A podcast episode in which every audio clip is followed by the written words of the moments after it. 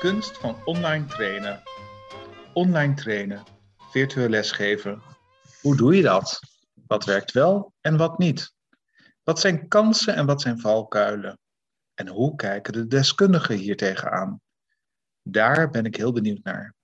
Mijn naam is Peter Steenkamer, ik ben academiebouwer en oprichter van de Krachtacademie. In een serie podcasts interview ik professionals die hun kennis op papier hebben gezet. In deze aflevering praat ik met Barend Last en Stefan Jonge.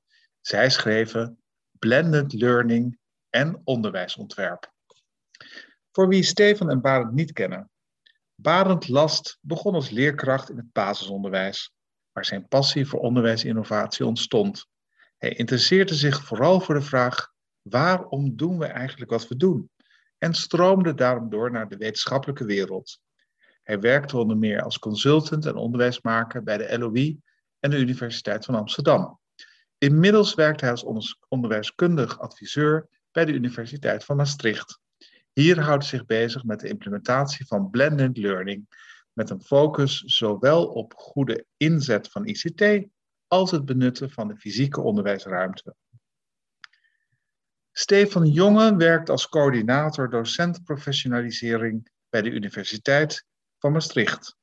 Daar coördineert hij op facultair niveau zowel de basiskwalificatie onderwijs en het Continuing Professional Development voor docenten.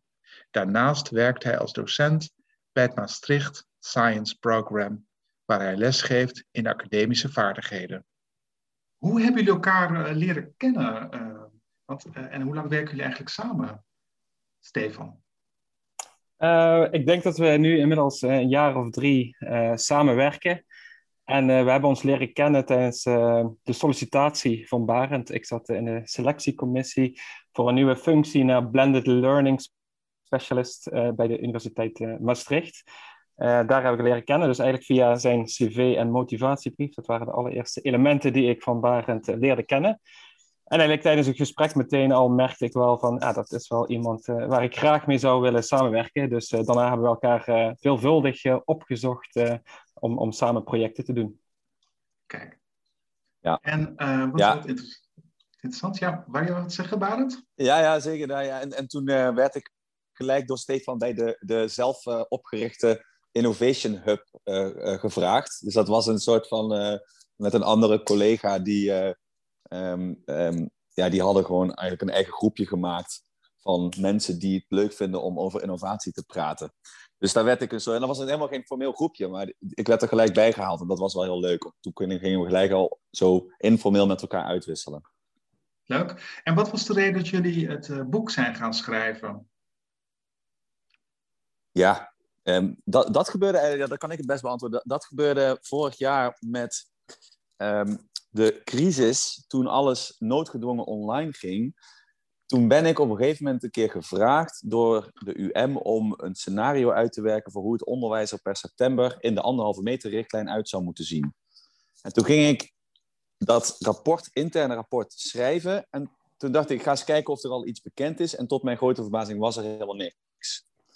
Toen dacht ik, nou, als het er niet is, ga ik het zelf schrijven. Dus ik begon het te schrijven. En terwijl ik het schreef, bedacht ik me, dit is heel leuk als intern rapport, maar eigenlijk moet iedereen dit weten. Dus toen heb ik dat uh, omgeschreven naar een artikel en op LinkedIn gezet. En uh, ik geloof nog, Stefan, je hebt mij nog feedback gegeven op dat artikel toen. En op basis van jouw feedback heb ik het nog, nog wel echt goed aangepast. En dat artikel is viral gegaan in Nederland. En tienduizenden mensen hebben dat uh, gelezen. Ik werd ineens gevraagd voor, om te komen spreken. mensen die hadden hele instellingen die hun hele plannen op dat artikel gebaseerd hadden. En ik werd ineens uitgenodigd door Boomuitgeverij om eens van gedachten te wisselen over dat artikel. En toen ben ik in contact geraakt met, uh, met een van de uitgevers daar. Um, en toen zijn we ja, in gesprek geraakt. En ja, ik had, was al bezig met mijn eigen schrijverscarrière voor kinderboeken. En toen dacht ik, hey, hoe mooi is het als ik mijn schrijversaffiniteit kan combineren met mijn universitaire werk. Dus toen heb ik gedacht van, nou, dit is een mooie kans. Ik heb gelijk bij de uitgever voorgesteld van, ja, weet je, ik zou best een boek kunnen schrijven over blended learning. En, uh, en da daar hadden ze wel oor naar, want ze hadden dat nog niet in hun oeuvre. Uh, en toen is het balletje eigenlijk gaan rollen. En eigenlijk in een vrij vroeg stadium heb ik ook gezegd, ik wil het niet alleen schrijven, ik wil Stefan erbij hebben. Omdat Stefan ook weer andere expertise heeft dan ik en we vullen elkaar daarin mooi aan. We vinden het fijn om samen te werken. Ja, en toen hebben we een idee opgesteld, gepitcht en, en zo is het, gaan, uh, is het ontstaan. Ja, het loopt hartstikke goed, hè? want de eerste oplage is al helemaal uitverkocht. En ik geloof dat we nu ook al, dat er alweer een, de herdruk is geloof ik ook weer beschikbaar. Hè? Dus je kan hem nu weer kopen als je zou willen, toch? Ja, ja. klopt. Ja. ja. het is als een malle gegaan. Warme broodjes over de toonbank. Uh, en en we, we doen er ook wel wat goede promo over.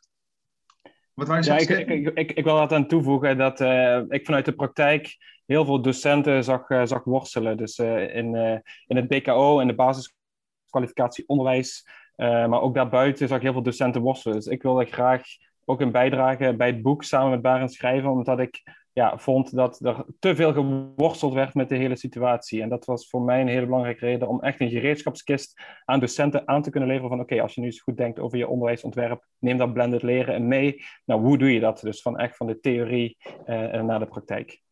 Ja, maar dat valt me op, uh, dat valt me heel erg op aan jullie boek. Hè? Jullie gaan eigenlijk in op alle aspecten van het onderwijsontwerp. dus jullie jullie focussen dus niet alleen op, blended leren, maar echt dat hele onderwijs, uh, uh, onderwijsontwerp, het ontwerpen van onderwijs. Kun je dat eens toelichten waarom jullie daarvoor gekozen hebben? Ja, nou ja de, de vraag is natuurlijk, uh, um, wat is het verschil tussen blended leren en gewoon goed onderwijs? Um, dat is denk ik een hele interessante perspectief daarop. Ik vind dat je als docent altijd een gereedschapskist hebt die gevuld is met van alles en nog wat. Tools voor leren, uh, maar ook een pen, een potlood, een papier, uh, technologie, niet technologisch, een klaslokaal. Het zijn allemaal middelen tot een doel. En of je dat nou blended leren noemt, of dat je het uh, gewoon onderwijs noemt, of gepersonaliseerd leren, of challenge-based leren, het maakt me allemaal niet zoveel uit. Je selecteert de best mogelijke middelen op basis van je leerdoelen.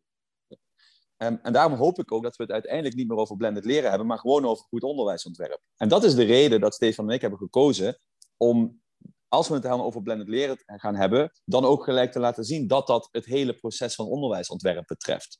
En daarom beginnen we bij de basis en niet bij je moet iets met ICT, want dat is een veelgehoorde misconceptie. Um, dat dat is waar het om gaat bij blended leren. Maar het is veel meer dan dat. Het is gewoon goed onderwijsontwerp. Ja, en eigenlijk misschien nog wel, uh, tenminste dat is een beetje mijn beeld, uh, komt het toch wat scherper als je het uh, in blended vorm doet. Dat je, dat je nog wat preciezer moet opletten en moet ontwerpen hoe je dat doet.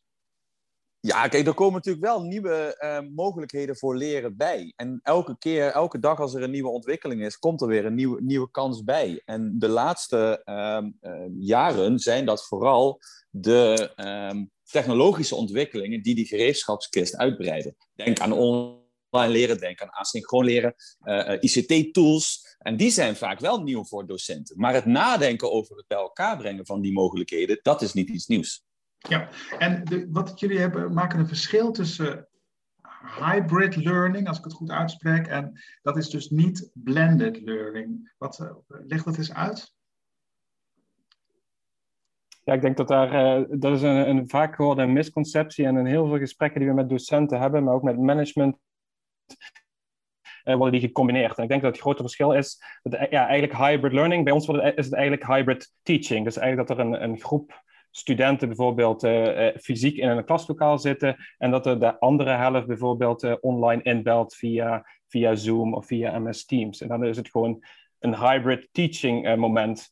Maar eigenlijk zegt het nog niks over, over het leren wat daar gebeurt. En daar is het echt het verschil met, met leren, waarbij er activerende werkvormen worden gebruikt die met elkaar in verbinding staan. En dat er echt een, een, een goede integratie is van, van fysiek leren met, met ICT-middelen. Ja, en er zijn nog meer misconcepties, er zijn trouwens een heleboel misconcepties volgens mij over leren. Jullie stippen er ook een aantal aan. Um, uh, en ook rond blended learning. Hè? Uh, kun je het voorbeeld eens geven van um, die leerpyramide? Een heel bekend model, ja. maar dat, dat schijnt allemaal niet te kloppen, hè, Stefan?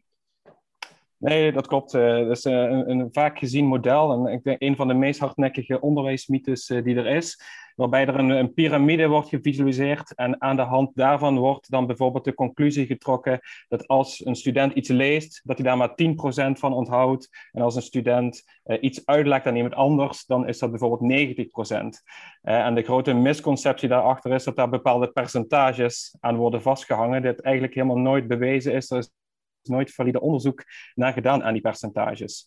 Het fundament onder die leerpiramide is dat studenten wanneer zij geactiveerd worden, dat zij dan beter leren. En dat is natuurlijk wel een hele belangrijke. Maar er worden bijvoorbeeld um, soms dus keuzes gemaakt of je wel of niet een college wilt geven. En dan wordt soms uh, de misconceptie van ja, ik, ik moet geen college geven, want dan luisteren de studenten alleen maar. Maar een, een, college kan bijvoorbeeld heel erg activerend zijn als er verschillende activerende werkvormen achter elkaar worden gezet. Uh, ja, om die studenten zeg maar, bij het leerproces te helpen. Ja, en kun je nog een andere, ik vind ik altijd interessant, al die misverstanden die er zijn op het gebied van uh, leren. Uh, kun je nog een andere misconceptie uh, toelichten? Nog een ander voorbeeld van wat hardnekkig is? Ja, er zijn rondom nog vele... ja, ja. Bedoel, ja, nee, bedoel je rondom het blended leren of bedoel je in algemene zin, ja, Peter? Nee, blended leren. Ja, blended leren. Ja, de, de grootste misconceptie vind ik dat, dat men bij blended leren denkt, ik moet iets met ICT. Uh, hoewel ICT een heel belangrijk middel is in je, in je onderwijsontwerp, zal, is blended leren niet uh, de verplichting dat je 50% online moet gaan doen en dat je daarbij allerlei tools moet gaan inzetten. Uh, dat is wel wat ik nu vaak tegenkom als ik word ingehuurd.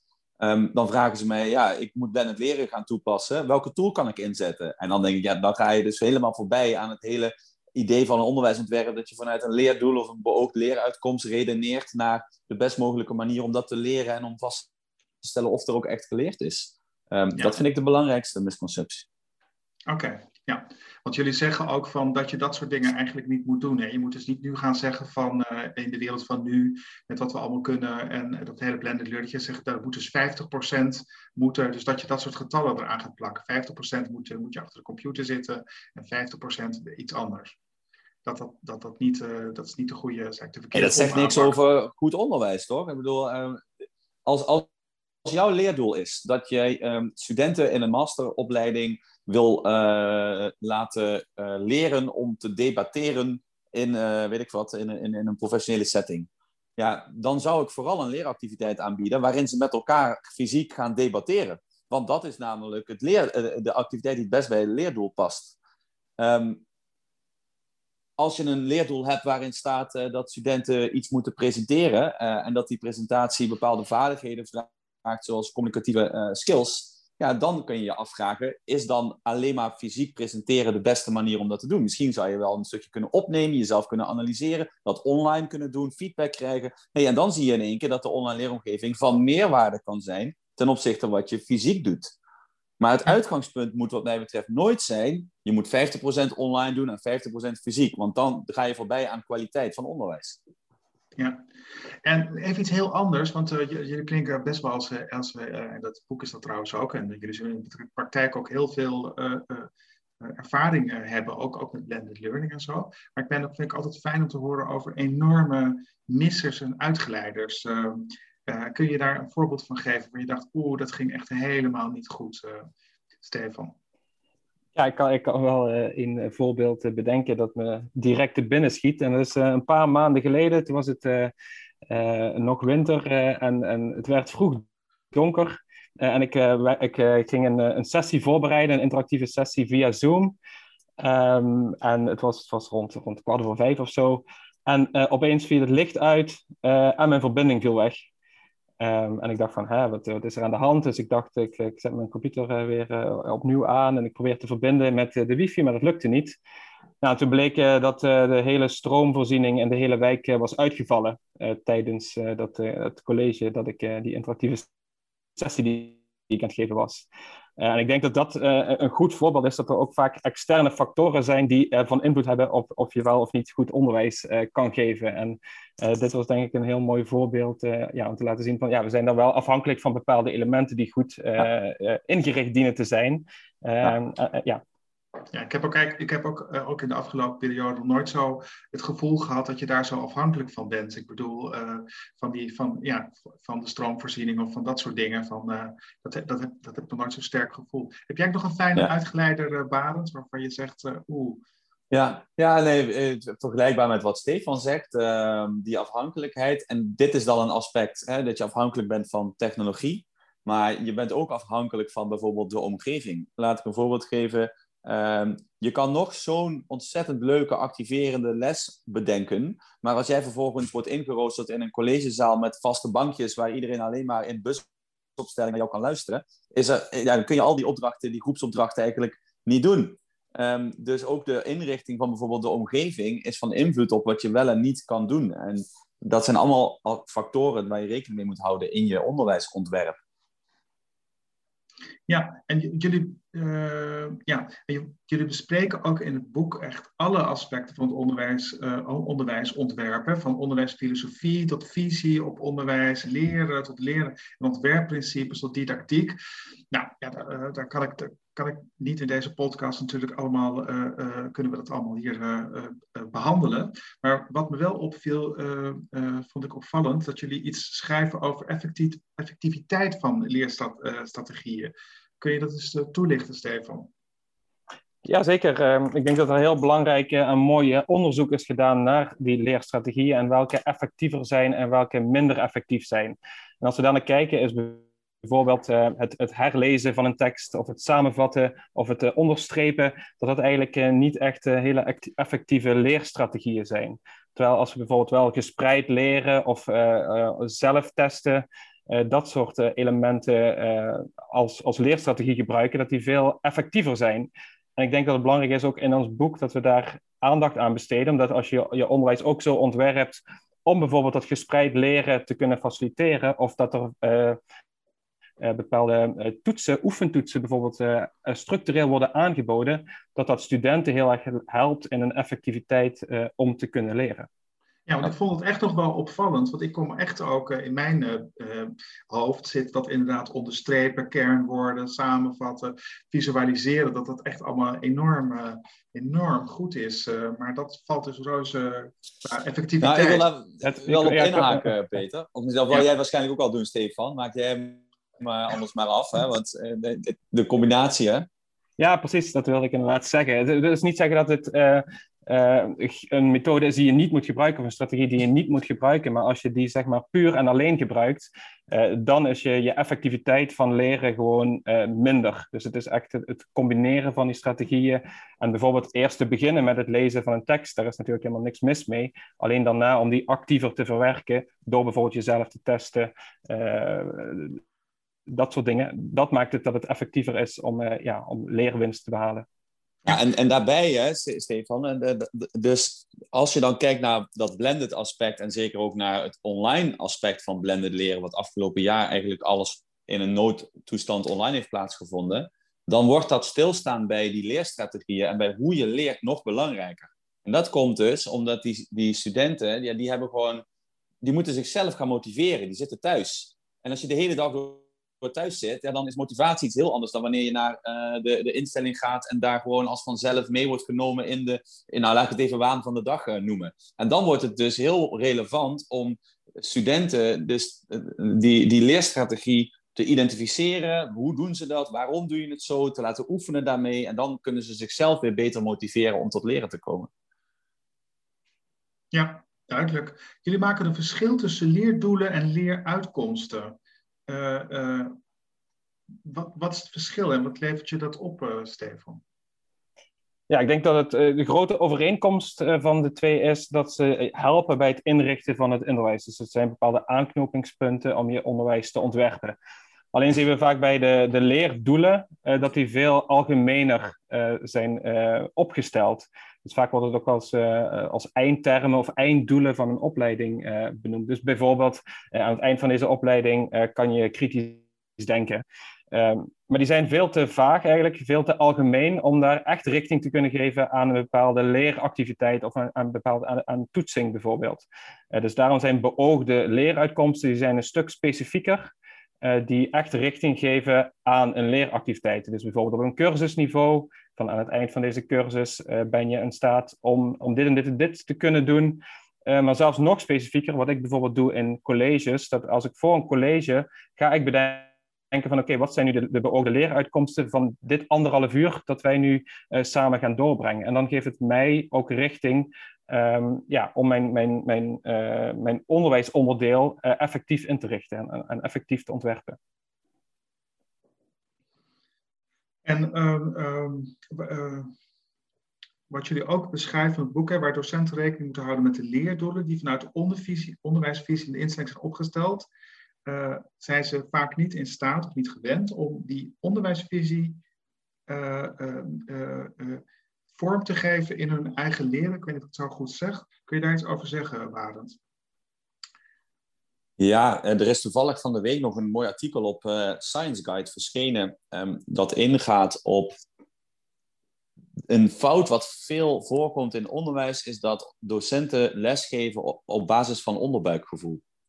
Um, onderbuikgevoel, hun eigen ervaringen. Um, ze hebben zelf twintig jaar lang in de schoolbanken gezeten, letterlijk gezeten en geluisterd. En gaan daarom lesgeven op een manier die zij gewend zijn. Zonder daarbij na te denken of zichzelf de vraag te stellen: waarom doe ik dit op deze manier?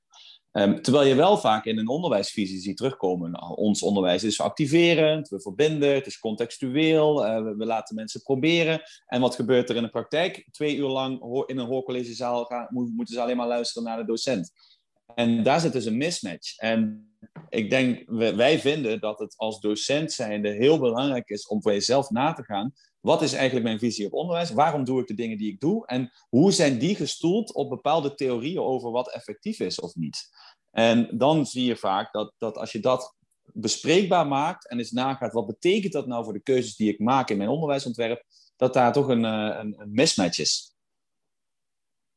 Ja, en jullie geven in jullie boek ook heel veel aanknopingspunten wat je dan anders kunt doen of hoe je dat kunt vormgeven en hoe je dat, en hoe je dat kunt ontwerpen en hoe je kunt vormgeven. En zo bespreken jullie bijvoorbeeld ook echt 23 activerende werkvormen. Een daarvan is de podcast. Nou, die, uh, die zijn we nu aan het doen, dus die ken ik. En uh, ook een brainstorm, die ken ik ook. Maar jullie hebben bijvoorbeeld ook, uh, jullie beschrijven bijvoorbeeld ook de advanced organizers. Um, wat is dat, Barend? Ja, eigenlijk wil je in onderwijs um, in verschillende fases van leren de studenten activeren. Um, van oudsher zijn we gewend om ons te focussen op gewoon de les, de contacttijd. Een student komt naar de les toe uh, en we gaan aan de slag. Maar voor zo'n les kan je de student ook al iets laten doen. En dat betekent eigenlijk dat je, ze, dat je als het ware hun voorkennis al prikkelt en al activeert voordat ze naar zo'n bijeenkomst komen. En dat heeft weer te maken met die leerstrategie van gespreid leren. Als ze al eerder er iets mee hebben gedaan en ze gaan het nog een keer doen, dan beklijft het beter in het lange termijn. Nou, een advanced organizer is eigenlijk een werkvorm waarin je um, als het ware vooruitstrevend, advanced, uh, organizer al de, de leerinhoud uh, organiseert. Dus je, je, je, geeft al een voorproefje van wat er gaat gebeuren, wat er komen gaat. Dat kan bijvoorbeeld zijn dat je ze um, een thema geeft. Je zegt bijvoorbeeld, nou, we gaan het over blended learning hebben. Schrijf eens op alles wat in je opkomt bij het concept blended leren. En dan kunnen ze op die manier al hun voorkennis gaan prikkelen. En dat kun je weer als input gebruiken om je les op, op, uh, op vorm te geven. Dus dat is eigenlijk uh, die, die, die werkvorm. En dat doet mij heel erg denken aan wat we ook tegenwoordig weten van hoe het brein leert en hoe het brein werkte. Dat, dat zit niet zo, eigenlijk niet zo heel erg eh, uitgebreid in jullie, in jullie boek. Uh, maar jullie hebben bijvoorbeeld wel iets geschreven over het effect met je brein op videoconferencing. De videoconferencing fatigue. Vind hem echt heel mooi. Steven, kun je uitleggen wat dat is? Ja, dat is eigenlijk een, een bepaalde vermoeidheid die ontstaat als we te veel met, met, met online leren bezig zijn, oftewel naar een scherm zijn aan staren. Dat er een bepaal, paar factoren zijn die van invloed zijn. Dus bijvoorbeeld, het is wat onnatuurlijker in de communicatie, omdat we steeds naar het scherm aan kijken zijn en, en telkens elkaar in de ogen kijken. Terwijl als fysiek zouden zijn, dan zou je bijvoorbeeld als een student zijnde ook aantekeningen maken zijn of iets op de laptop aan het tikken zijn. Dat is één onderdeel. Het andere onderdeel is dat er ook een soort uh, asynchroniteit uh, plaatsvindt. Dus dat wil zeggen dat er een, een, hele lichte vertraging zit in het beeld en hoe dit binnenkomt uh, in onze hersenen. En onze hersenen, ons brein, uh, ja, moet daarmee omgaan. En dat kost gewoon veel energie om continu die, die, die, die synchroniteit... En het is maar een paar milliseconden soms, maar dat kost gewoon energie om dat te kunnen verwerken. En dat is bijvoorbeeld waarom het ook vaak ja, beter is om niet langer dan één uur uh, een college te geven. Of als het langer is, dan in ieder geval verschillende activerende werkvormen daarvoor te gebruiken. Jullie gaan, in het, jullie gaan in het laatste deel van jullie boek gaan jullie, in op de summatieve beoordeling en de formatieve evaluatie. Kunnen jullie iets vertellen over die, wat die twee vormen is en wat, wat, jullie, wat jullie eigenlijk de beste vorm vinden? Ja, ik, ik denk dat het ook een, een, een een, misconceptie, of in ieder geval hoe we naar summatief toetsen en formatief toetsen kijken. En eigenlijk zegt dat woord eigenlijk al de misconceptie. Dus alsof het een eigenschap is van de toets, of het uh, summatief of formatief is. Ja, leg, leg, leg ook even uit wat het is, alsjeblieft. Ja, ja. ja nou, eh, wat, wat het eigenlijk is, of wat we beogen met dit, deze manier, is dat het ligt aan de consequentie die je neemt aan de hand van de toetsing die je inzet. Dus bijvoorbeeld wil je het summatief inzetten, dan zit er een bepaald beoordelingscriteria aan. Dus bijvoorbeeld uh, een student slaagt of zakt voor een bepaalde toets, uh, of hij, hij, of zij krijgt een bepaald punt uh, daarvoor. Dus dan is het echt summatieve beoordeling. Bij formatief evalueren gaat het echt om het leerproces. Dus er zit geen consequentie aan vast dat de student slaagt of zakt voor een bepaalde toets, maar dat er vooral feedback wordt gegeven op het, op het leerproces. En vaak is dan natuurlijk inderdaad de vraag van welke is nu beter of de andere. Ik denk dat we in de praktijk nog heel veel summatieve beoordelingen zien. Dus aan het eind van een bepaald blok, dan komt er een, eh, een, een meerkeuzetoets of, een, eh, of met, met open, open vragen bijvoorbeeld. Um, ik denk als we naar een praktijk gaan waarin die balans tussen summatief beoordelen en formatief evalueren al veel gelijker is, denk dat we dan een hele grote uh, stap hebben gezet. Want dan gaan we vooral ook vanuit het leerproces en daar feedback aan geven aan de studenten en dat vervolgens uh, te beoordelen. Ja, uh, jullie boek is heel erg volledig. Hè? Er zit heel veel theorie in, heel veel informatie, heel veel modellen. Het eindigt ook nog eens een keertje met 19 bijlagen, met checklisten. Dus een checklist community leren, het analyseren van de online leeromgeving.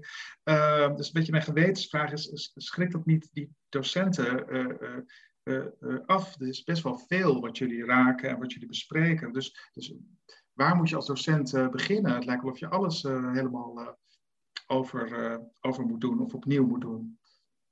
Ja, dat, hoe zie je ik, dat? Ik, dat kan denk ik wel zo, zo aanvoelen. Maar er staat, er staat aan het einde van de inleiding, als ik het goed heb, um, hoe wij ons voorstellen dat docenten dit boek gebruiken. En dat is als een naslagwerk dat altijd op het digitale of fysieke bureau ligt wanneer je gaat ontwerpen.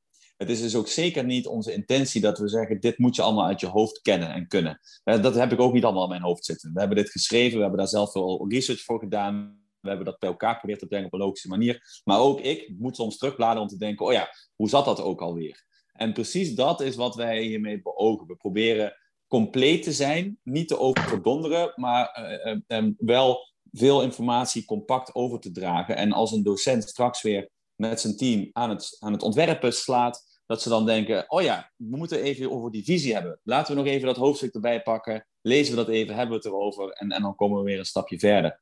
Um, dus het is geen zelfhulpleerboek wat je helemaal uit je hoofd moet stampen, maar, uh, maar als hulpmiddel om dus die gereedschapskist die je hebt als docent inzichtelijk te maken.